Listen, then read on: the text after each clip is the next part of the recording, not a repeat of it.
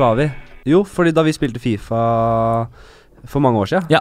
så var du sånn jævlig datanerd og Stemmer, spilte stemmer. WoW hele tida og hadde drager og sverd og monstre i, i, i buret. og, og så hadde venner. Vennene dine der. Hadde ikke venner. Du hadde venn- venn- jeg venn- hadde hadde, hadde det første du sa, hadde jeg. Du hadde vennene dine der. Ja, det hadde jeg. Ok. En, Ja. en, en, mange år av livet ditt som du aldri får tilbake. Ja. Og da vi spilte vi Fifa, og jeg var ikke spilte bare for Fifa, litt sånn Xbox av og til, ja. Og da sa jeg Når det var, det skjedde noe feil, så sa jeg bugs. Det er bugs. Og da lo du hånlig av det. Ja, men Husk på den tiden der så var jeg jo ganske inne i de greiene der. Fordi jeg sa bug. Jeg visste jo at det er bug, man sier bug, det er bug. Men så sa jeg the bugs i flertall. Det var Mm. mange bugs. Mange bug. da sa jeg bugs, og da lo du av Jeg husker ikke akkurat hva det gjaldt. Jeg bare, jeg tipper det lå der, var at du hadde hørt noen si det en gang i en annen setting, og så hadde du adoptert det og tatt det videre. Du, Og, sa, og, sier det, og sier det Du virker som om du sa det for å skulle briljere, og så bommer du litt. Ja, ja. Så jeg fikk aldri forklart meg. Nei. Jeg husker jeg har tenkt på det, skjønner du. Nå, jeg, jeg merker det, jeg har ikke tenkt på det. På, ja. nei for, Siste- nå, nå, nå, Det er nesten 15 en unnskyldning jeg hører her nå, Joakim. At du legger deg litt flat på det. At jeg lo av deg, er vel ikke noen unnskyldning. Det er det ikke. Nei, men jeg mente i hvert fall at det var bug i flertall. Det var flere bugger.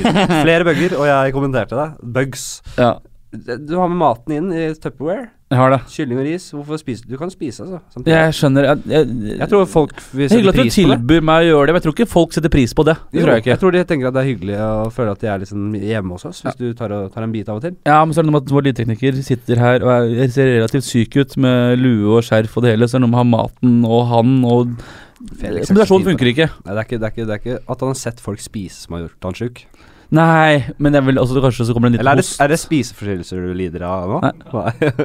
Har begynt å tulle med det nå? Nei Har vi begynt å, har begynt ja, å tulle med det? synes er det noe vi ikke skal gjøre fra og med forrige episode, så er det å tulle med det.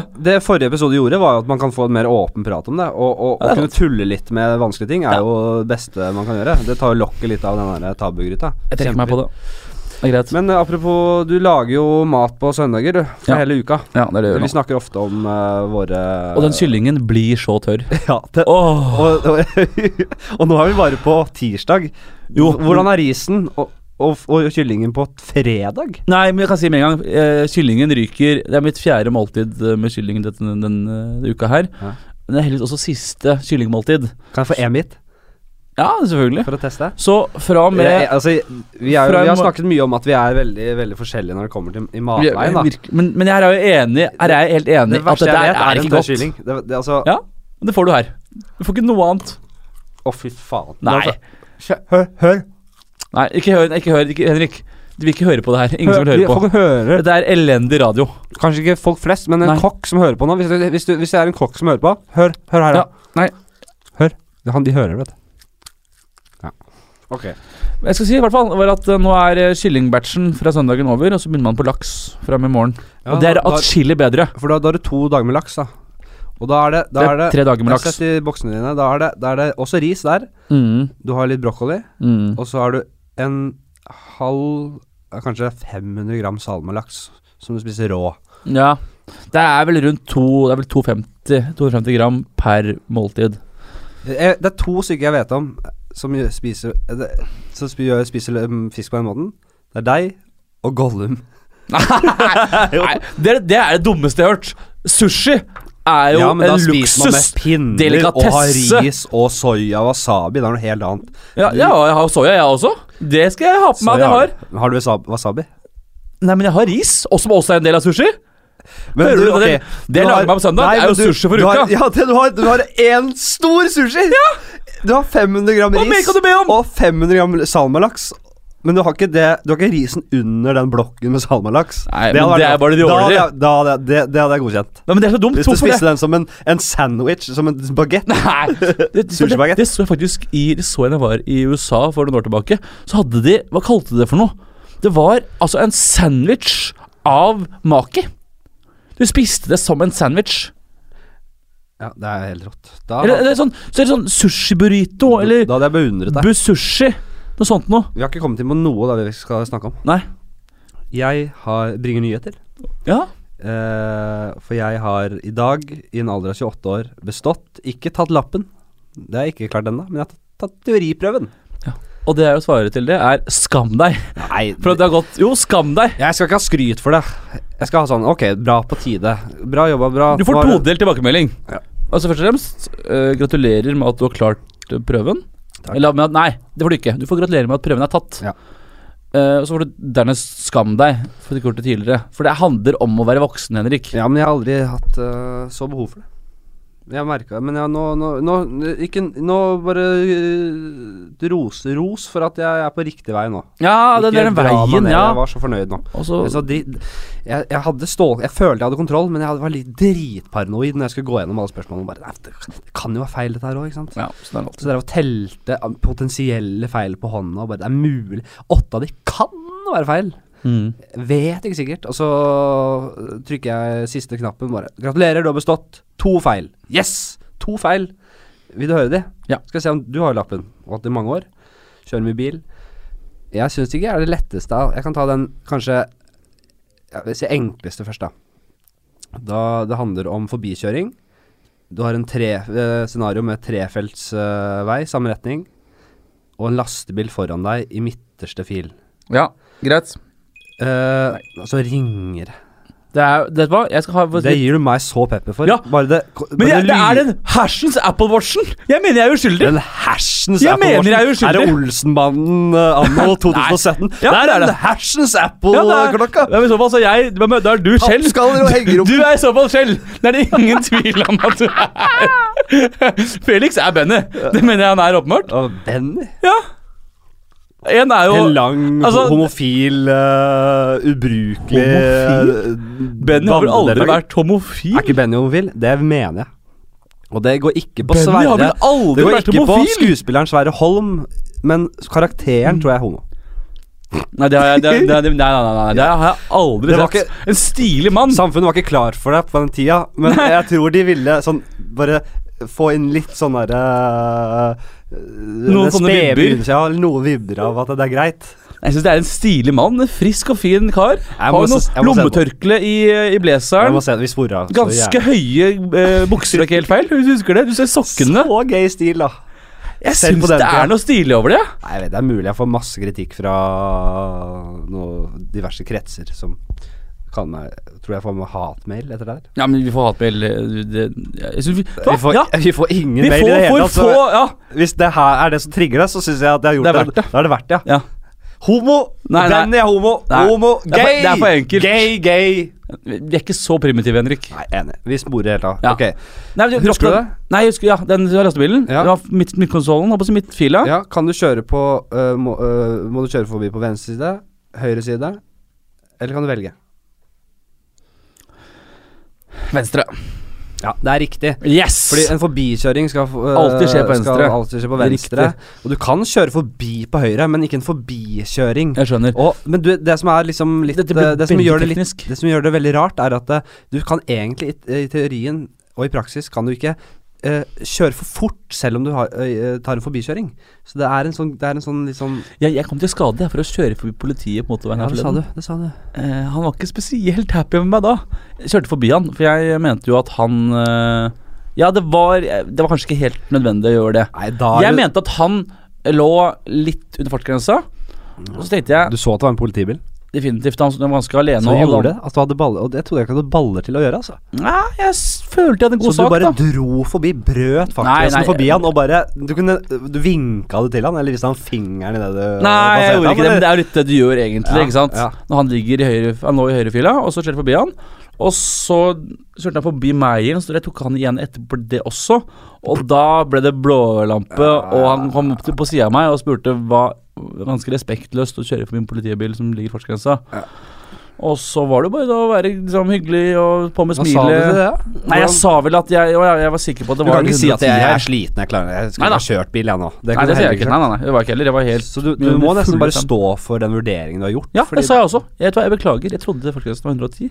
Ja. Var den bare 100, så, så beklager jeg det. Ja vel. Og da var han eh, Ja, neste gang og sånn, så ja.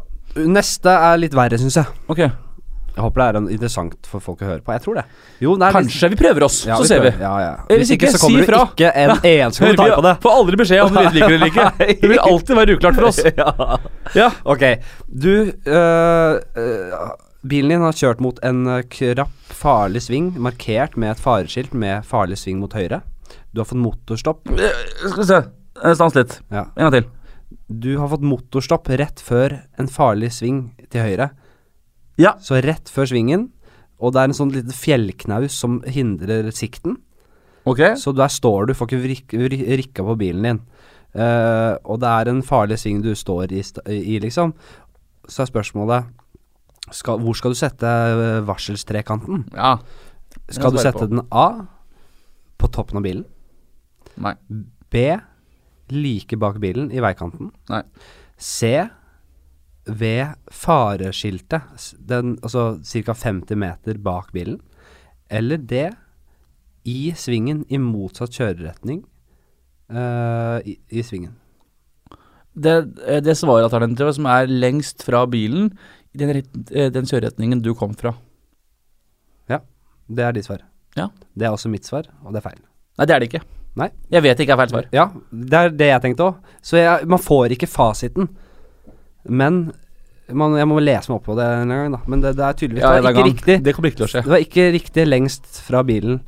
Uh, Du har det- brukt ti år på å ta, på å ta lappen, eh, på å ta den teoriprøven. Og når du klarte det, så kommer du til å lese det opp på hva som var riktig svar. Det tror jeg ikke kommer til å skje, altså. Jeg skal faktisk finne ut av Hvor lenge har vi holdt på? En tolv minutter? Ja. Ja. Uh, ja, nå må vi kjøre, da. Skal vi se her, da. Ja, kom igjen.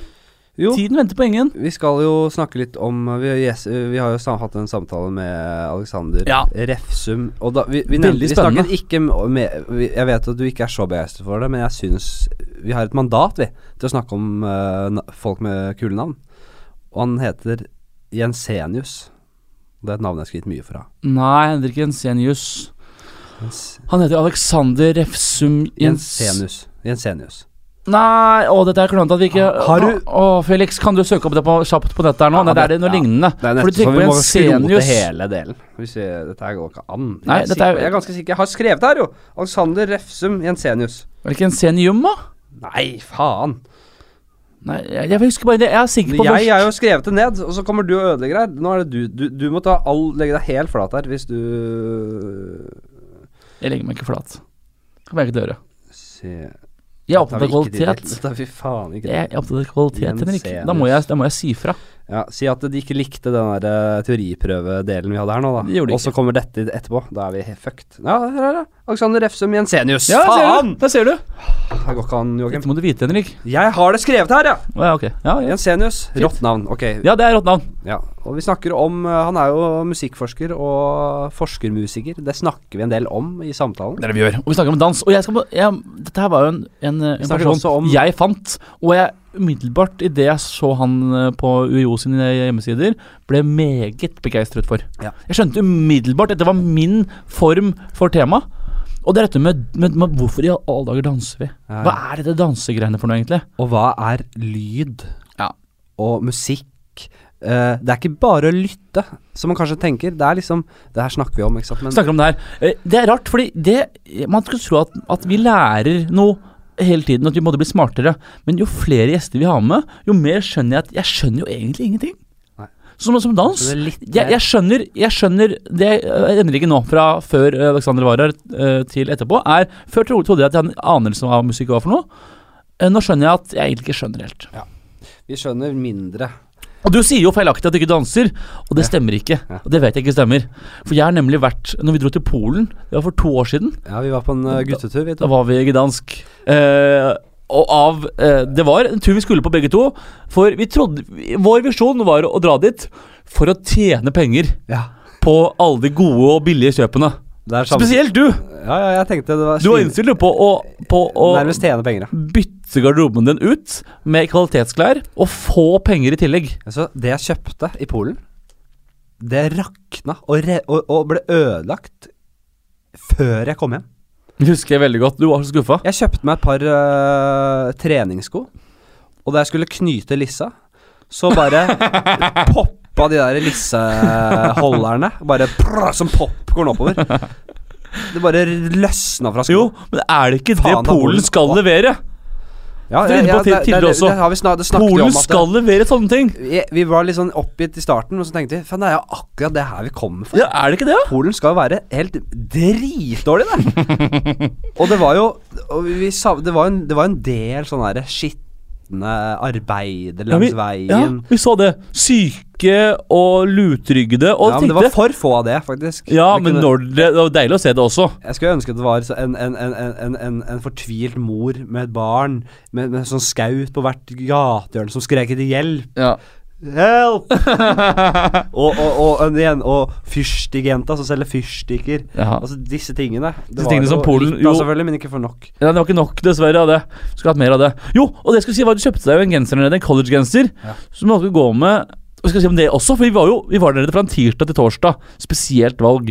Ja. Så det var jo Vi skulle på byen. Det var selvfølgelig stille, Det var ikke på byen i det hele tatt på de første to Nei, dagene. vi skulle egentlig bare satt og spiste, og så skulle vi hjem og legge oss. Ja, vi skulle hjem og legge oss, men det var, det var dag Det var kveld nummer vi to eller tre. mer, det var ikke så gøy der. Så vi bare så sånn, her er skjer det ingenting. Vi vet jo det når vi prøvde å gå på byen. Ja. Det er ikke noe folk her. Går vi ut i gatene. Gå til gatene, rundt et smug og inn i en gate, og det er et folkeliv av de helt sjeldne. Unge mennesker på hvert gatehjørne med drikke, drakk vi- vi- og vi festa og dansa og holdt på. Det var altså følelsen av det da. det var en sjelden følelse. Det var faen meg Polens nasjonaldag! det var det det var. Det var Polens nasjonaldag! Det var ikke dyktighet som gjorde det, det var flaks. Det at var derfor det var sånn derre kor og helvete på plassen her, og Ja, folkefest ja. på dagen. Det ikke, vi, vi hadde ikke Vi bare Ja, det var vel en dag med kor og Ja, folkefest, det da. ante jo ikke, selvfølgelig. Så i hvert fall så kom vi oss på det utestedet der borte. Det er ganske tettpakka. Og du tar den, tar den collegegenseren din. Du, tar den, du får av den, en eller annen grunn får den over skuldrene dine. Ja. Eh, og, så, og så føler du deg som en bokser. Ja, jeg tror jeg gjør det. Så dine dansemoves din, Ja, men dine dansemoves den kvelden er som å gå og skyggebokse på dansegulvet. Ja. Husker Du ble, han, du ble litt med han fyren som liksom Ja, folk så deg smilte litt, og det var kult, men Jeg eh, tenkte when in Rome, jeg. Jeg ga helt faen. Jeg tenkte at det var Jeg følte for det, og jeg gjorde det. Jeg husker egentlig ikke så mye. Tusen takk for uh, første delen. Og kos dere masse med vår episode med Alexander Refsum Jensenius. Korrekt. Hei.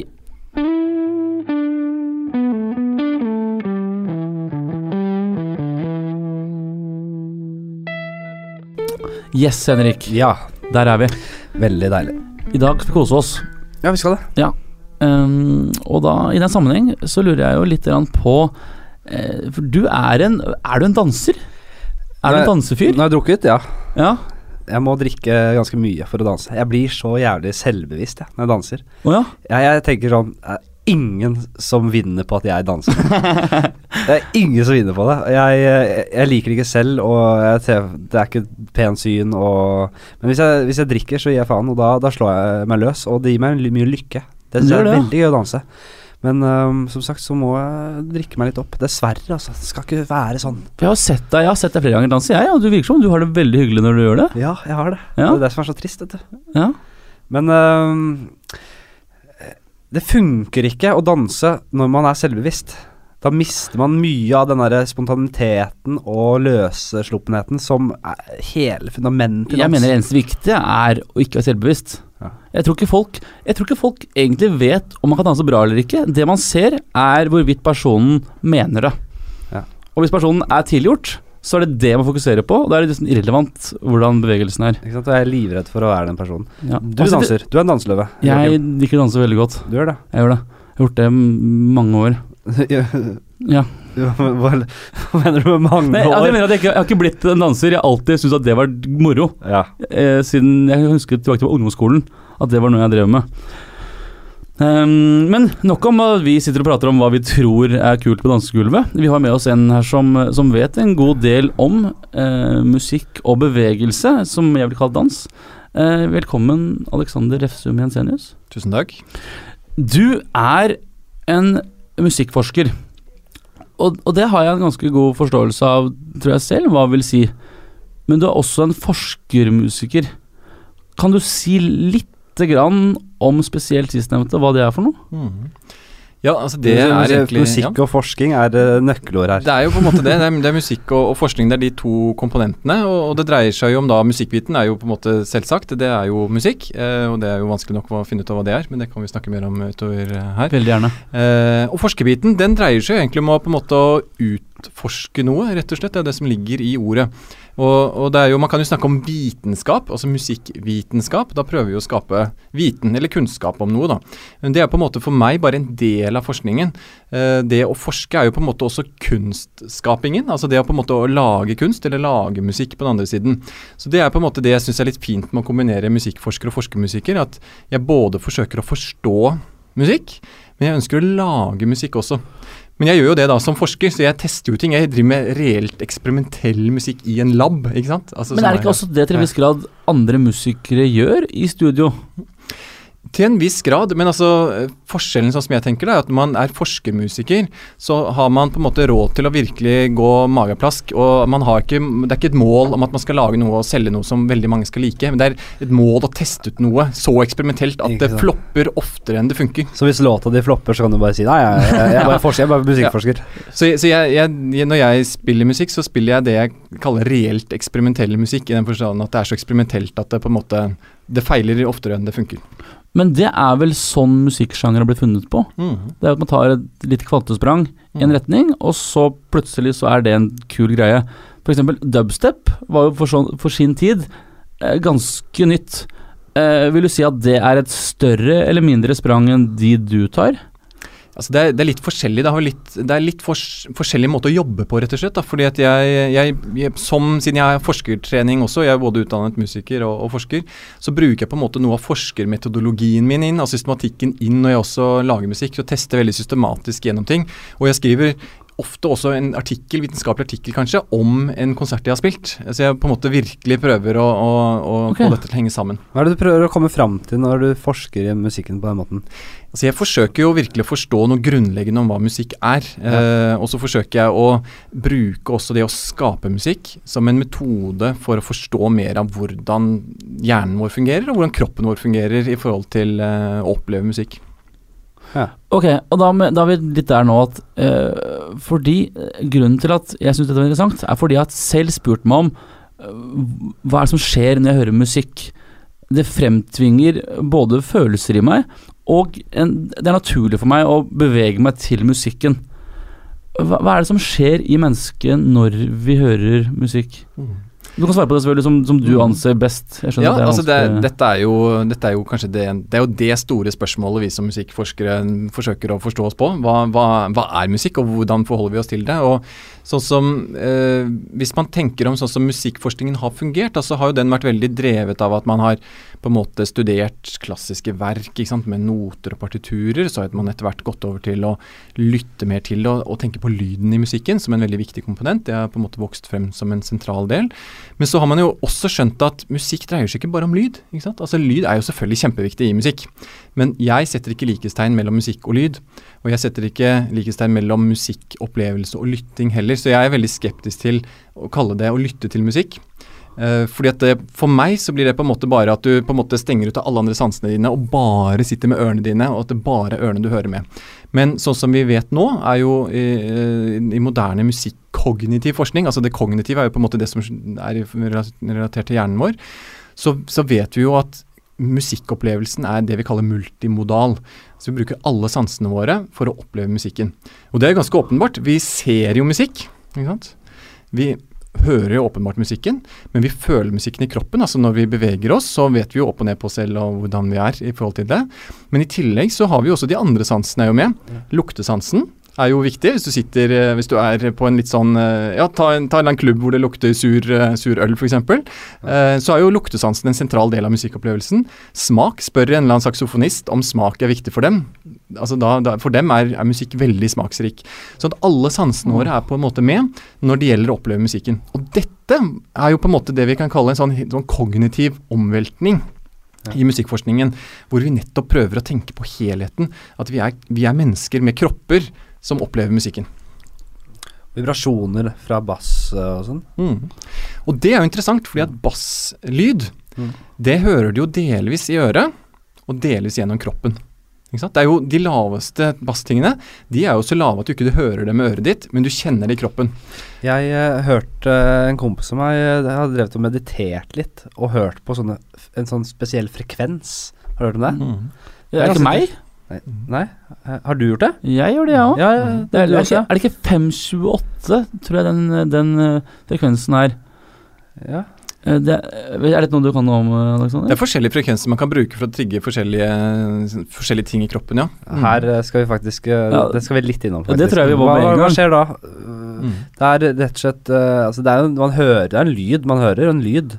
Mm. Men det er vel ikke bare den lyden, den konkrete lyden som eh, spiller inn. Det er vel noe mer, noen vibrasjoner på en eller annen måte som Ja, altså dette er jo vibrasjoner, og dette er jo mer eller mindre Altså Deler av dette er jo ikke helt forstått, rett og slett. da, Så Det kommer litt an på frekvensene man opererer med. Men, men altså lyd er jo Det er jo bølger ikke sant, i luften. Eh, de bølgene de treffer øret vårt, så treffer de trommehinnen, og så på en måte skaper det noe inni ørene våre. Men de treffer jo også resten av oss. De treffer huden vår, de treffer hele kroppen vår. Og litt avhengig av hvilke frekvenser det er, så eh, vil vi reagere forskjellig, forskjellig på dem. Sånn at særlig i bassregionen, de dype regionene, så vil man jo, kan man, kan man få, og dette er- ser man jo ofte, at man kan få fysiske greier som skjer i kroppen, positive eller negative, hvis, det er for, hvis man har for mye energi på forskjellige områder. Og det er jo, det er jo en av grunnene til at f.eks. folk kan begynne å kaste opp en konsert, er jo fordi at de treffer noe i mageregionen. så begynner, det er en Egenfrekvensen til da noen av kroppsdelene våre begynner å settes i gang, og, og man begynner å Ja, kroppen får ubehag, da. Mener du at musikken får folk til å kaste opp? Ja. Altså faktiske Er det bølgene som gjør det? Det er lydbølgene. Jeg har også hørt at noen dyr har uh, frekvenser i brøl, eller hva det skal være, som uh, får andre Får bytte til å fryse helt. Ja, ja. eh. Et løvebrøl, f.eks. Ja. De har jo målt det. Det er jo vanvittig kraftig, og det kan jo fysisk sette i gang ting i, kroppen til, til noen. Ja. Og det skjer jo Altså, jeg har jo jeg har gått mye på støykonserter selv. Eh, Som har noe sinnssykt lydnivå. Hvor det er poenget at Du må på en måte ha ørepropper og full guffe altså for å beskytte ørene dine, men det hele poenget er at du skal oppleve det i kroppen i seg selv. Og det er jo, Jeg husker veldig en konsert jeg var på i Montreal, hvor det var Det Støykonsert Ja, ja, vi bare må inn på det litt først. Ja, masse støy. Ja, det er støy. Det er liksom full guffe med støy av forskjellig Altså det er jo hvit støy og rosa støy og andre ting, men modulert og gjerne også med, kombinert med sinustoner og sånn. Det, er det er jo veldig kult i støymusikken. Hva hva er målet her? Hva er sinustoner? Sinustoner er veldig Det er de enkleste tonene vi har. Sånn pipetoner, liksom. Hvis Ja. du tenker TV-pipelyden. De kan jo være i hele frekvensregisteret, men de er helt rene. Støy er det helt motsatte. Det er, da er det totalt øh, lik energi i hele frekvensspekteret, så er bare? Det er støy. Er nest, ja, det er ikke en helt ren sinus, men det er på en måte de to ytterpunktene i lyd da, vi har. Ja. Og de finnes jo bare elektronisk, de to ytterpunktene. Det, du finner jo lignende ting i, i naturen, men ikke de ytterpunktene. Og veldig mye av støymusikken, og særlig den eksperimentelle støymusikken, er jo basert på på en måte å jobbe med disse tingene her. Gjerne i litt sånn i sære registre. Så f.eks. bare masse bassstøy, kjempekraftig. Og da kan du virkelig føle det i kroppen hvis du treffer ting som er, eh, som hvor det begynner å resonnere på en eller annen måte. Som kan bli veldig ubehagelig, eller veldig godt hvis du er heldig og treffer noe positivt, noe, noe bra steder. Men, men ja, jeg må spørre en gang til. Hva er det som er målet med støykonserten? Hva er det man håper at publikum får oppleve? Det er jo en estetisk opplevelse som er noe, på en måte noe helt annet. Altså det, og du går jo gjennom Det er jo et veldig energinivå da, i mange støykonserter. Som er kult, liksom. Altså det er på en måte Det er litt sånn som metall, hvor det virkelig er trøkk, liksom. Altså det, men det er på en, en annen, trøkk, annen måte å, å trykke på.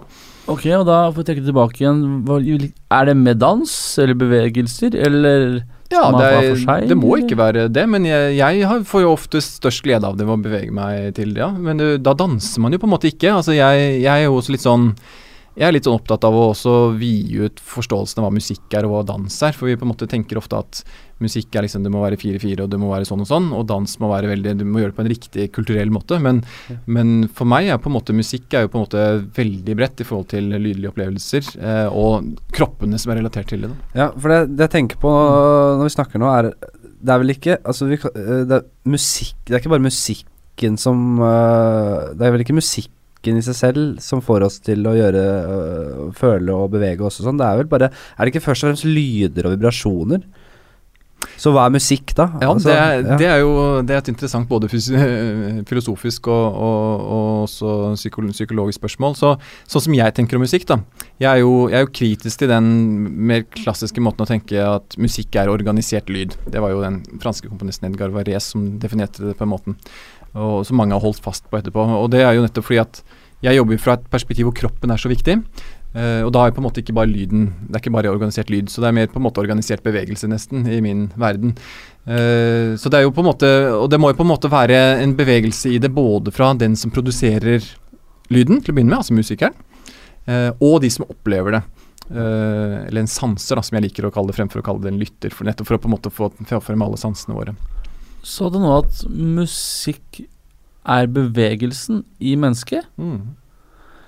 Riktig. Ok. Så da er vi tilbake til dansingen.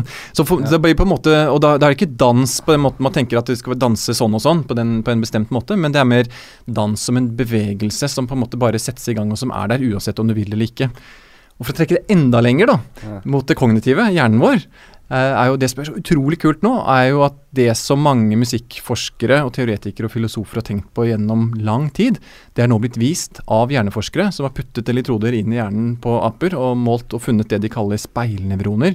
Som rett og slett eh, Altså hovedpoenget med det funnet er at det viser seg at når vi hører en lyd, så ser vi en bevegelse inni hodet vårt. Og vi føler den i kroppen. Så det vil si at man faktisk forsøker å mentalt simulere det man ser. Sånn at når du ser en pianist spille, så får du bilder av en pianist inni hodet ditt. Litt sånn abstrakt. Ja. Men, det er, det, men det vi ser, er at bevegelse og lyd er helt tett koblet sammen. Og vi kan ikke komme utenom det. Det er ganske revolusjonerende. Ja. Det, og det er jo det, det er liksom kjernen av det du forsker på og driver med. Mm, det, er, det er på en måte det jeg jobber ut ifra. Ja. Så på, på, forsøker jeg å strukturere alt annet rundt det. Ok, jeg får ta en litt grann uh, vending på det her. Og det er eh, eh, Jeg spør meg alltid sånn Ok, mennesket oppfører seg på en spesiell, måte, og så tenker jeg hm, det var teit eller rart. Og så bør jeg finne en måte, en løsning på Ok, men å ja, opphav er selvfølgelig dette her. Dette er en av mange grunner til at vi har overlevd gjennom historien. Dette har på en eller annen måte hatt et formål for mennesket. Hvilket formål, eller hvordan var det mennesket begynte å respondere på musikk? Har, vet vi noe om det? Altså Nå er ikke jeg musikkevolusjonsteoretiker, men eh, jeg har lest litt, eh, litt av det. og det er jo litt forskjellige teorier da, som er ute og går. sånn at det, her har man ikke landet helt på hva man mener. Det er jo alt for de som mener at musikk og språk er knyttet sammen, og at de har vært utviklet parallelt hele tiden. at du ikke, på en måte, Hvis du ikke har musikk, så kan du ikke heller lære å snakke og gå og sånn. altså Det er på en måte én retning i, i dette her. En annen retning er jo på en måte at det er helt, musikk er helt uforklarlig fra et evolusjonsteoretisk perspektiv. Det er helt, ja, det kan Steven Pinker kalle auditory cheesecake. altså Det er bare ostekake, liksom. For det er ikke noe poeng liksom med det, bortsett fra at det, det gleder oss. men eh, så, så, det er på en måte alt fra at det er et evolusjonsfortrinn, at de som spiller og danser eh, og er liksom hottest, de får eh, flest barn, og så liksom klarer å formere seg og, og komme videre, til at det ikke egentlig har noen annen funksjon, at det bare er kult, liksom. Du sier at de som er selvbevisste, det er de som ikke får flest barn? Er det på dansegulvet? Nei, ja, det, er de som da får, eller Faen, ja, men, eh, men, det er, men her, her er jo Men dette her vet man jo ikke, og det, her jobber man fremdeles med forskjellige teorier. Jeg kan ikke forstå de som mener at de ikke, at de ikke, har, at de ikke kan skjønne det i et evolusjonsperspektiv. da Fordi, Hva- Få høre. ja, fordi jeg Før vi hadde noe form for underholdning, kan du si, da så var man uh, ute i naturen. Uh, man, på kvelden, om kvelden så man kanskje opp på stjernene og hørte alle disse lydene fra naturen. Det var på en måte uh, en mye større del av livet vårt enn i dag, når vi har alt mulig av uh, underholdning og uh, bylyder rundt oss. da Så at uh, det har vært en form for At, at vi har hatt musikken med oss hele veien, og at det har formet oss. Eller lydene, alle s- sanseinntrykkene som er i en, i en, i en jungel eller uh, i, ute i den frie natur, da. Jeg tror det er, Ja, det er overveldende, overveldende, og det må ha påvirket oss på en måte. Jeg, jeg skjønner hva Sånn du mener. Ja? Og, og musikk er utrolig samlende. Eh, altså, se på utesteder eh, med musikk. Hva er det som ofte, nesten alltid skjer da? Jo, folk danser sammen. Det er samlende. Men det jeg syns jeg syns er rart, da, er hvordan det gikk fra at mennesket ikke responderte på musikk, eller at ikke de lydene ble respondert på med bevegelse, til at eh, nå er det sånn at alle mennesker på jorda responderer på musikk. Og har det, sånn har det nok egentlig alltid vært. fordi at alle kulturer man har funnet, har hatt musikk. Alle kulturer man har funnet, har hatt dans. Og i veldig mange kulturer så er det til og med ikke noe Det er ikke noe skille mellom musikk og dans. Altså Det er jo veldig mange kulturer, også i dag, hvor de ikke har et, ord for dans og ett ord for musikk, men de har ett ord for kombinasjonen av de to. Og hvor det på en måte Det er ikke musikk hvis du ikke danser. Mm. Det er ikke dans Nei, uten musikk. Det er på en måte ikke tenkelig engang at de er to er adskilt. Så for deg så er det ganske naturlig altså, at, at musikk er en del av mennesket? Ja, absolutt. Og ja, det ser vi jo også. Altså, vi kan jo se det til og med på, på spedbarn. ikke sant? Altså, de, de responderer jo til musikk umiddelbart. Altså, Spill det til en eh, to måneders baby, liksom. De begynner å bevege på det de klarer å bevege på. altså. Ja, men bare tilbake til det Altså urmenneskene. Ja. Altså Når du har vært i naturen, Joakim, Ja. så ligger du bare og hører på eh, dr- regndråper som treffer blader. Du hører ugle som eh, En ugle, f.eks. Du hører alle disse lydene her. Prøver du ikke å se Setter du ikke det enten bevisst eller ubevisst inn i et system? Altså, kan man kalle det musikk, og har ikke det alltid vært med oss, da? Det syns jeg er en veldig spennende tanke. Det må jo ha vært Jeg jeg vil trekke det kanskje litt videre. Og hvordan ser stjernebildene ut uten disse lydene? Alle disse sammenhengene, da. Det, Hvis, hvis jeg skal spekulere helt vilt, Ja. eh, så vil jeg først og fremst si at ja, det er noe i det du sier. Fordi det mennesket er helt avhengig av, er jo å respondere med bevegelser på lyder. Også kanskje ting som ikke går under kategorien musikk, men at vi prater. Eh, så, så er det jo, når vi prater sammen, eller hører lyder, så framtvinger jo de bevegelser i meg. Ikke sant, til en viss grad. Men, men det er den derre er Når det blir den kollektive enigheten om at disse lydene her Eller, eller til, ja, I stor grad så er det en kollektiv enighet om hva disse forskjellige lydene framtvinger av bevegelser i mennesket. Og, det, og vi må huske på at til grunn her ligger det at eh, At det ikke var sånn. Altså Alt mennesket er i dag, begynte med at det ikke var sånn, og så har det utviklet seg videre fra det.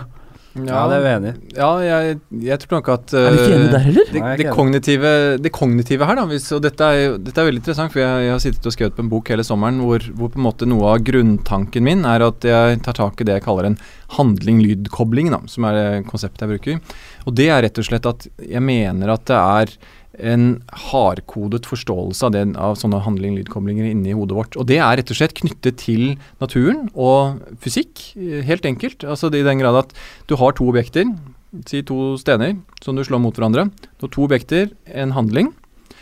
Og det er mekaniske lover som beskriver hva slags type lyd du får ut av dette. her, ikke sant? Dette er jo helt ren fysikk og akustikk på hva slags lyd du får ut. Ja. Uh, og det kommer vi ikke utenom. Uh, og sånn er det jo for alle mulige sånne handling-lydkoblinger i den naturlige verden. Det er stener eller pinner eller vi kan blåse eller hva som helst. Men det er fysiske lover som beskriver disse tingene.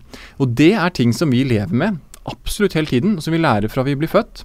Så lærer vi at det, handlinger og lyder henger sammen. ikke sant? Og det er det som gjør at eh, du kan høre det, jeg liker å, å si, at du kan, du kan høre en eh, handling du bare ser, og du kan se en handling du bare hører.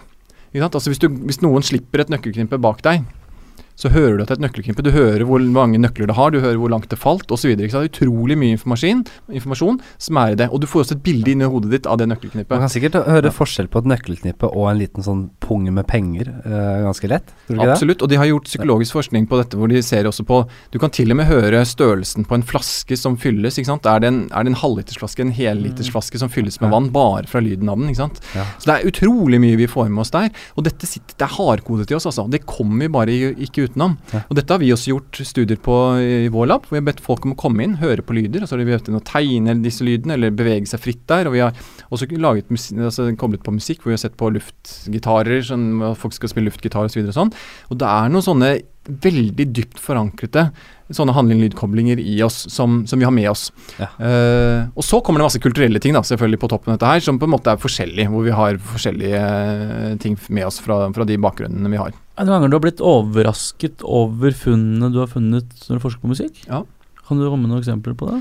Det er særlig i forhold til dette med, med luftinstrumenter, da, som er veldig, har vært interessant. Jeg har studert luftgitar, luftpiano og lufttrommer. Du blir jo kalt eh, doktor luftgitar. Ja, jeg, har, ja, jeg fikk det kallenavnet for en del år tilbake. Uh, og, det, og det var jo rett og slett at vi gjorde disse luftinstrumentstudiene, hvor, hvor poenget var rett og slett å forstå hvordan folk opplever musikk, ved å be dem om å bevege seg til det de hører. Uh, og det interessante med det, og som jeg ble veldig overrasket over, det var egentlig de såkalt umusikalske som kom inn i studio hos oss. For det er klart, Når du har en profesjonell musiker som kommer inn, og de spiller på en måte nesten hver eneste tone de hører, sånn helt spontant, så er det på en måte de, ikke sant, de har det så present. Men når du har folk som kommer inn og sier at de er tonedøve, de er umusikalske, har aldri sett et instrument i hele sitt liv, så kommer de inn og spiller de luftinstrumenter helt utmerket. Altså De vet opp og ned på et piano hvor man spiller, og de treffer sånn cirka bra og sånn. Og det, det, var, det var veldig sånn øyeåpne for meg å se det at folk er, også de som kaller seg såkalt umusikalske, er mye, mye mer musikalske enn de tror. Ja. Uh, og det er, det er noen mennesker som klinisk sett kan kalles umusikalske, men de har veldig store problemer ellers også. Altså hvis du ikke hvis du, hvis du, du, du, kan ikke, du kan ikke gå, du kan ikke snakke hvis du er reelt umusikalsk. Alle Nei, andre Ikke sant, men er musikalske. gradering av det. Mm. Jeg tror vel at mange Jeg blir ofte kalt umusikalsk. Uh, og jeg Men hvorfor det? Ja, nei, det er vel Fordi han synger som en kråke. Ja, men Det er noen Ja, som setter jeg- spørsmålstegn mellom synging og musikalitet, og det er jo helt merkelig. Jeg skjønner hva du mener. Fordi han, Fint, det, handler litt om, Ta, ta, ta. Det handler litt om innstillingen her, kanskje, da. Mhm. Så når folk sitter nå Det er ikke så, virker ikke så farlig å sette seg og spille luftpiano. Mm. Så da Og man stripper det ned til bare de enkle, den enkle forståelsen av musikk, da. Og da, er, da, da scorer man ganske bra på dette her, egentlig. Er det det du sier? Ja. At det er innstillingen Du, du tror du er umusikalsk, men Nei, alt det er det ikke. Nei, men Du det har er litt selvsikkerhet. Ja, men det har- Jeg har, jeg har, med, jeg har med med- all mulig selvsikkerhet i verden sunget så godt jeg kan, og det har for den gjengse publikummer ikke vært spesielt pent. Ja, det kan jeg se for meg. Eller det vet jeg jo. Men Ja. Men det, har, men det har jo noe med, med Kanskje at du har dårlig trent eh, vokalapparat, da. Det vil jeg si mer enn at du er Jeg skulle ønske det var derfor, altså. Jeg har sunget masse, Alexander. ja, men det er Ja, men, ja, forskjell men på det er sang syng, det er og ikke og alle andre ting. ikke sant? Altså, okay. Hvis man f.eks. måler din musikalitet ved at du kommer i laben hos meg og skal bevege deg til noe musikk, f.eks., så kan det være at du finner at du er helt utmerket musikalsk, og du følger alt mulig rart. Du kan følge en, du kan følge en puls, f.eks., og klappe den, eller følge den, og du kan, du kan høre melodilinjer osv. Så videre. sånn at her er det, det er viktig ikke å skille, å skille mellom, mellom det å, f.eks. kunne spille et instrument, som også er noe du har lært deg. ikke sant? Det er ingen som blir født og kan spille instrumenter. Eh, alle må jo lære ting, og noen er jo selvfølgelig bedre enn andre, men, men allikevel er det veldig stor forskjell på det å, å være u, altså reelt sett umusikalsk. Ok, så, så, det med, så det med da å ikke kunne synge pent, det er bare en indikasjon på at du ikke er musikalsk, men det er ikke noe én-til-én-forhold? Nei, jeg mener at du, det har ikke noe med musikalitet å gjøre i det hele tatt. Ok, Mm. Det Så hvis- finnes jo fantastiske musikere som ikke synger særlig bra. Ja, ja, du har jo folk som har perfekt øh, Altså hører, hører har perfekt gehør, og som, som spiller flott på instrumenter, og som ikke kan synge. Riktig, men det er jo fordi stemmen ikke er så pen. Ja. Men tonene treffer de vel? Nei. Å nei, ok. Så det, er, ok. så det er heller ikke sånn at de med perfekt gehør kan synge toner perfekt? Nei. Ikke, det er ikke noe sammenheng der. Riktig. Ok, Mm. da er vi litt videre. Men vi får, det er, sånn, du merker nå, det er alltid ett Jeg får ett svar, og to nye spørsmål kommer inn i hodet mitt. Altså, ja, Eh, og det går på dette med gehør. Mm. Hva er det som skiller da en med gehør og uten gehør? Ja, altså det, Når det gjelder absolutt gehør, da, så, så er jo det øh, Det som er interessant der, er at det antagelig har en kobling også til språk. For de ser jo at eh, folk som øh, lærer da det vi kaller øh, tonale språk, altså f.eks. Eh, kinesisk, vietnamesisk eh, er jo, Norsk er jo et semi, semitonalt språk, men ikke et tonalt språk. Det betyr altså at selve melodilinjen har en betydning for at du skal oppleve noe. Vi har det til en viss grad på norsk, for vi har noen ord som på en måte eh, endrer karakter avhengig av hvordan melodien går. Men, men i de, de som har da eh, tonale språk, det er en høyere grad av folk som har også absolutt gehør i musikk. Og Det er jo en interessant korrelasjon, så det er jo åpenbart noe som er der, at man på en måte da en, en kulturelt sier det. Ellers er det jo litt sånn forskjellige meninger med det i hvilken grad man kan trenes opp til å, å få absolutt gehør eller ikke, da. Ok. Uh, mm, ok. Da Jeg må bare Det er bare min intuitive eh, tolkning hver gang, er at jeg vil tilbake til den liksom biologiske delen av det. Og er det, eller, er det noen fordeler for et menneske å ikke ha gehør? Altså, Gehør i det hele tatt, eller absolutt gehør? For, Ja, altså, nei, alle mennesker har gehør, mener jeg. Altså, du kan ikke Du vil jo ha veldig store problemer med f.eks. å snakke og høre språk hvis du ikke, du har, godt, altså hvis du ikke har et godt gehør-. For det, da, da vil du på en måte ikke klare å, høre forskjellen på f.eks. eh, et spørsmål. da. På norsk så går vi jo gjerne opp på slutten av eh, en setning hvis det er et spørsmål, og ned hvis det ikke er det. Eh, Den skil det skillet ville du ikke klart å høre hvis du ikke hadde godt gehør. I'm Ron Burgundy. Helt riktig. Eh, Vil du, du Alexander, skal hjem til eh, barna dine. Ja, vi, skal ikke, vi skal ikke nekte deg det. Eh, Ja, men det er ikke helt ennå, ikke er Ikke helt ennå. Så da er spørsmålet hva vi skal snakke om eh, det siste kvarteret. Jeg uh, har veldig lyst til å snakke om um, musikkindustrien. Dagens musikkindustri. Det, det kommer vi til. Det kommer vi til, ja. ja For jeg må ha litt til først. Ja, du skal få litt til. Og det er dette med at uh, noen toner og noe musikk framtvinger følelser i oss. Sånn som blant annet man, man opplever musikk som trist, oppmuntrende og aggressiv. Det syns jeg er meget eh, lite utvitivt hvorfor det er tilfellet. Eh, altså, altså sånn, eh, det var denne, denne tritonen i musikkteori som ble kalt for Var det ikke djevelens akkord? Mm. Og det er fordi den, den Og det er også sånn Det var man enig om at dette er ond musikk. Mm. Hva, hva er dette for noe, Alexander? Dette er jo mer over på den kulturelle siden av det. da, For jeg tenker jo at uh, i musikkognisjon så er det jo noen ting som uh, vi antagelig tror er mer eh, universelle, altså på en måte er fundert i, i kroppene våre rett og slett, i hjernen våre, og andre ting som er mer kulturelt innlært. Og, og særlig dette med intervaller og akkorder er jo er nok mm, primært kulturelle, uh, i den forstand det også har endret seg over tid. Altså Det var jo en periode så syns man jo også at kvarter, altså som i dag regnes som et veldig harmonisk eh, intervall, er, var dissonerende. Og også tritonusten var jo, var jo veldig djevelens stund. Passer litt grann på fagspråket her nå. Det er veldig, veldig, veldig mye kvarter og Men hvis vi tenker på, på jazz, da, som kanskje er mest kjent for å ha litt sånn sære akkorder, da, hvis man skal si det sånn, eh, så var det jo da, da kanskje de mest kjente jazzakkordene kom, liksom. Som, som på en måte er de akkordene som definerer er, hvordan en jazzlåt høres ut enn en poplåt. da, Fordi ofte bruker de veldig like akkorder, men det er gjerne litt grann forskjellige toner som gjør at jazz høres annerledes ut. ikke sant? flotter de- seg liksom. Ja, de flotter seg litt. Det er, liksom, det er litt sånn det man kaller septimer og sånne ting, som gjør at det på en måte låter litt sånn freshere og friskere og skarpere, kanskje. Ja. Og de syns man jo var supersære ikke sant, tidligere. Nå er det jo så standard. sånn at det er nok eh, det, Dette endrer seg jo og, etter, over tid, og, og avhengig av hva vi, hva vi venner oss til. Og det ser vi også veldig mye av, av eh, popindustrien nå, da, hvis du tenker det. Den har jo også utviklet seg veldig etter hvert som det har vært mer eksperimentering også. Så er det jo ting som man bruker i dag, som er helt standard i, i popproduksjoner i dag, Hæ? som var helt farfetched ikke sant, for noen år tilbake. Som var, hørtes supercorny ut. Og det dreier seg om alt fra sånn, det vi kaller klangfargebehandling, altså sånn som man har vært veldig populært med sånn vocoder, sånn chair-type greier, ikke sant, det, eh, som ligger på stemmen og, som en effekt. Hæ? Og alle mulige andre rare varianter av filtreringer og sånn som nå, som i dag er helt eh, mainstream. Auto, au, au, au, Autotuning, ja. ja. autotuning. Så, og autotuningen var jo veldig kul da den eh, kom inn. ikke sant? Den hjalp jo til å rette opp stemmen litt, og så ble den jo brukt til å på en måte flippe hit og dit, så ble den brukt mer kreativt igjen, da. og sånne etter hvert misbrukt på det groveste, kan Ja. uh, enkelte hevde. Ja. Men, men eh, når jeg da hører en tone, og jeg blir trist, Mm. eh, er det, er det noe vi måtte, ja, kulturelt har lært at det er trist? Nei, Det kommer nok litt an på. Her, og her er det jo forskjellige ting. og, og det, Her må vi også skille mellom det som kanskje på en måte er én enkelttone, uh, og det som på en måte kanskje er en musikalsk struktur. da. La oss si Adele, da. Um, ikke sant? Ja.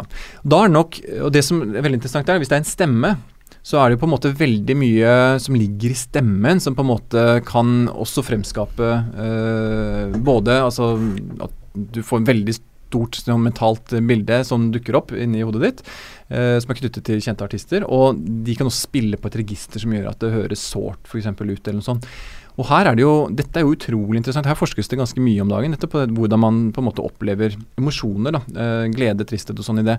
Men dette er nok veldig også knyttet til det med at vi er veldig eh, oppmerksomme på stemmer og hvordan de låter. For at vi også i, i dagligtale sant, så er vi vant til å tune oss inn på å høre om folk er triste eller glade når de snakker også. Mhm. Og det er jo de samme mekanismene antagelig vi bruker da i, i musikksammenheng. Riktig. altså Det er bare eh, Musikken speiler hvordan mennesket har lært seg å bevege seg og bruke stemmen for å uttrykke emosjoner. Absolutt. Og det, da er det nok tilbake til et sånn kroppslig perspektiv igjen, hvor du på en måte har en idé inni hodet ditt om at du hører en trist stemme, så får du bilder av en trist person inni hodet ditt, som på en igjen skaper tristhet hos deg. da. Så, så det er på en måte, dette henger veldig tett sammen. Og så er det selvfølgelig forskjell på å hø at du kan høre at en person er trist, og om det gjør deg trist. da. Det er jo to også forskjellige ting. Fordi det har- med, nå, skal vi, nå skal jeg være forsiktig med hvordan hvor langt utvekk går, men er ikke det også litt med empati å gjøre? Mm. Om man klarer å speile andres følelser, og hvordan de framtvinger samme følelsene selv. Mm. Der har visst jeg har visst, jeg har visst skåret ganske lavt på det på tester opp igjennom. Ja. Men det skal du slippe å svare på, Alexander. Musikkproduksjon, Henrik, der ville du innom. Ja. Jeg tenker at eh, Eller jeg, jeg vet at eh, samfunnet har blitt eh, veldig mye mer analytisk, kan du si. Både innenfor idrett. Altså, du kan ikke bli toppidrettsutøver uten å virkelig analysere motstanderne, hva som skal til. Altså på, alt mulig skal analyseres, også innenfor musikk. Eh, inntrykk av at det, veldig mye popmusikk lages eh, eh, i samarbeid med psykologien, da. Hva er det som, eh, hva er det som treffer eh, massen av folk rett Hva er det som virkelig treffer av forskjellige toner og Nå er ikke jeg noen ekspert, som du hører, men hvordan brukes dette her i musikkindustrien i dag? Mm.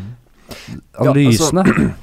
Det gjøres jo en del eh, analysearbeid også på dette her. Og så er det jo veldig Altså, Det er kanskje den, det som virkelig skiller de altså hvis vi kan kalle det geniale, da, eller virkelig dyktige komponistene, produsentene, musikerne, eller hva vi kaller det. altså De som lager musikk, da. Fra, fra andre er jo at de på en måte klarer å ta inn altså De har en veldig god analytisk evne, enten reflektert eller ureflektert. Ja. Uh, og så er de veldig flinke til å på en måte gjenskape det, men også legge til noe annet litt annerledes selv. ikke sant? Og det er litt sånn, Jeg syns jo alltid det er fascinerende å se på Grand Prix, for det er på en måte, det er jo det ultimate eksempelet på hva på en måte, hva han prøver å få til poppete greier for skal treffe liksom der ute.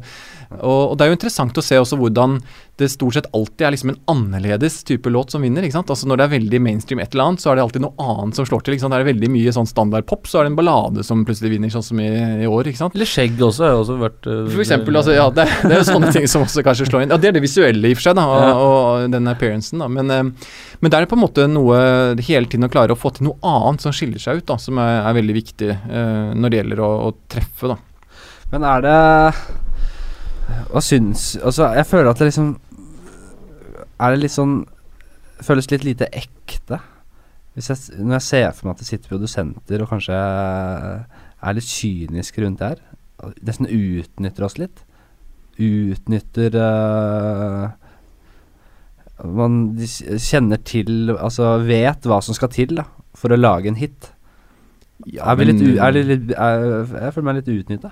Nei, men Du må være er flink og få lov til å vite hva publikum liker.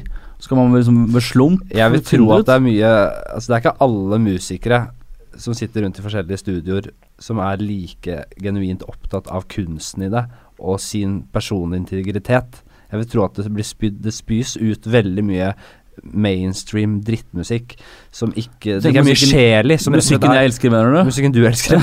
Den taper. Men det er jo litt med, Det er er jo litt med hva slags type funksjon man tenker at musikken har. Da. Og, og det er jo altså det er, Musak har liksom blitt et sånn skjellsord. Altså, og jeg syns det på en måte er litt eh, Musak er på en måte det bakgrunnsmusikk. da Det var jo Det var et firma på, i USA på, som på en måte bygget opp en hel industri rundt å lage på en måte heismusikk. da Ja. Og det er på en måte Musak i dag er jo på en måte spillelister som bare står og går på kjøpesentre og overalt, og som på en måte ikke skal ta noe plass. da Eh, men jeg syns egentlig det er helt greit. liksom altså, jeg tenker at da er Det på en måte Det kan jo være en stemningsskaper i seg selv. Jeg, jeg har ikke noe store problemer med det. Men, altså, det, er jo, det, er viktig, men det er på en måte Det er jo også noe helt annet enn f.eks.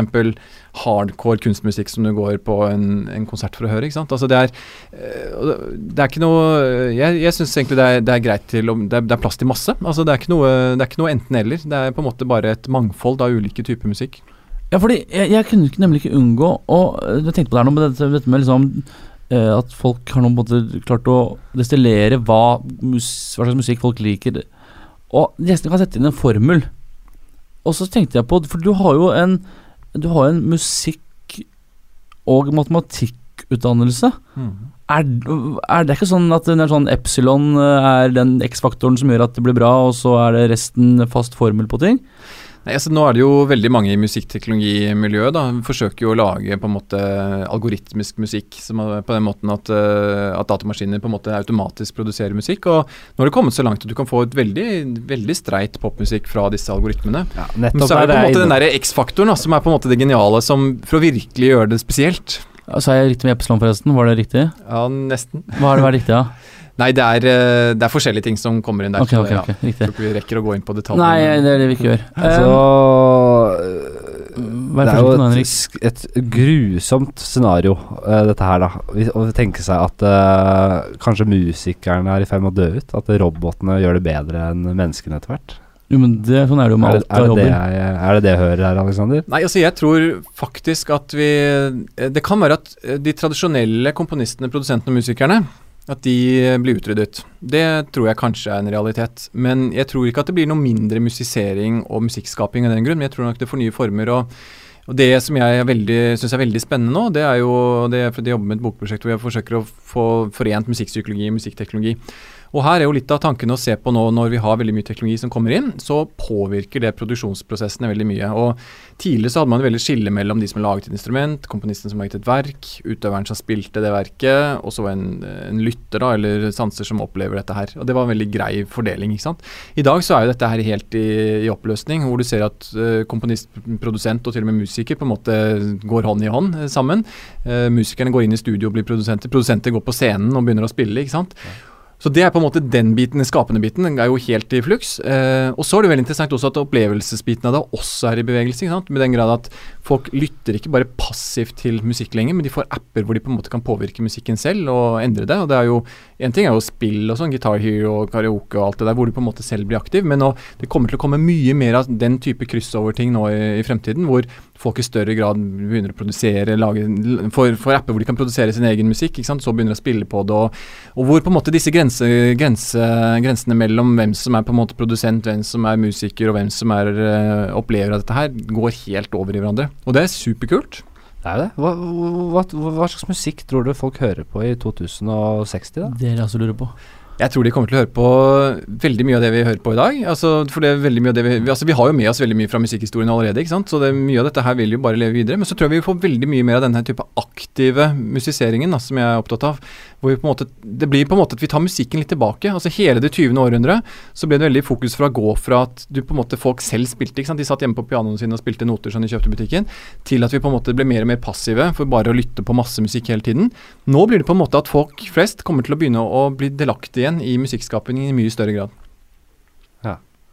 Du danser din egen musikk. Vi lager jo også da systemer hvor du, hvor du faktisk, de som er på fest da, dere reverserer det, ja? ja? Ja, dere, dere eh, Fortell litt kjapt. Det, vi må rekke det litt. Bare Ja. kjapt med den reverseringen av musikk. Ja, nei, altså, Vi jobber jo med det jeg kaller ja, interaktive musikksystemer, hvor hele poenget er at vi utforsker hvordan vanlige folk da, på en måte kan lage musikken selv underveis. Og det vil si at Hvis du skal ut på joggetur, så kan du sette i gang da en app som da lager musikk til deg der og da, som produseres mens du jogger, som tilpasser seg ditt tempo. Eh, hvis, den, hvis du er litt sånn sliten, så gir det deg mer energi i musikken. Hvis du er litt sånn slapp, så ikke sant? Altså det, den type ting. Og vi også kan se på hvordan du kan ha uh, apper som kan gjøre at du legger deg ned på sofaen og får musikk som får deg til å sovne. Uh, eller når du er på fest, så vil da uh, alle som kommer ha med seg på en måte sin egen musikkgreie, hvor mobiltelefonene kobler seg sammen, og du på en måte får en felles liksom, musikk som genereres der og da, som du danser til. Så hvis du er eh, på en eh, seig, episk eh, fjelltur og sliter, så blir musikken på øret bare sånn der episk, sånn trist, lengtende na, na, na, na, na, na, na. Til og med Ringenes disse herremusikken, ja. Det kommer på da. Ja. Uh, Og det er jo det vi sitter og jobber med nå. da finner, Vi bruker forskjellige typer teknologier sånn for å finne ut dette her, men, men det er på en måte der vi er på vei. så, ja, det er veldig interessant. Vi pleier alltid å avslutte med, med at um, gjesten uh, kommer med tre punkter eh, innen sitt tema. Eh, og så tenkte jeg på hva det skulle passe til deg nå, Aleksander. Jeg tenkte på Kan du gi tre tips til de der ute som ønsker å danse mer? Så For det første så er det vel egentlig bare å eh, ikke tenke så mye på andre. Lukke øynene og bare på en måte faktisk høre. når du sier høre på lyden, og så på en måte bare begynne å bevege seg til det. Altså for at Hvis du har f.eks. en groove som går, lukk øynene og så bare begynner du å bevege hodet. Og så på en måte bare slapper du av, puster, og så bare lar du det gå derfra. Da kommer på en måte jeg er ikke så opptatt, jeg, jeg, må ikke kalle det dans, da blir folk så redde. ikke sant? Kall det bare bevegelse. Bare, bare be folk om å bare stå og svaie liksom, til musikken, og så bare kjenner de at det er så innmari deilig. liksom, Eller begynne be dem å gå liksom, til musikk. Bare det i seg selv er på en måte et steg i riktig retning. Start i det små, liksom. Mm. Ja, riktig. Ja. Det Da er jeg, jeg Jeg er ikke fornøyd, eller det vil si jeg har masse mer spørsmål å komme med, men jeg tror ikke vi rekker mer. Har du noe avsluttende ord da, Henrik? Nei, egentlig ikke. Nei? Jeg syns det var veldig interessant. I så fall Og, og jeg skulle gjerne hørt veldig mye mer om dette med uh, hvordan man kan forme musikken uh, etter bevegelsesmønstre i hverdagen, altså. Det er det som kommer nå. Mm, Det visste jeg ikke. Jeg har ikke tenkt på det. Nei. Det er veldig interessant. Alexander, tusen takk for at du tok turen. Takk for at jeg fikk komme. Veldig hyggelig.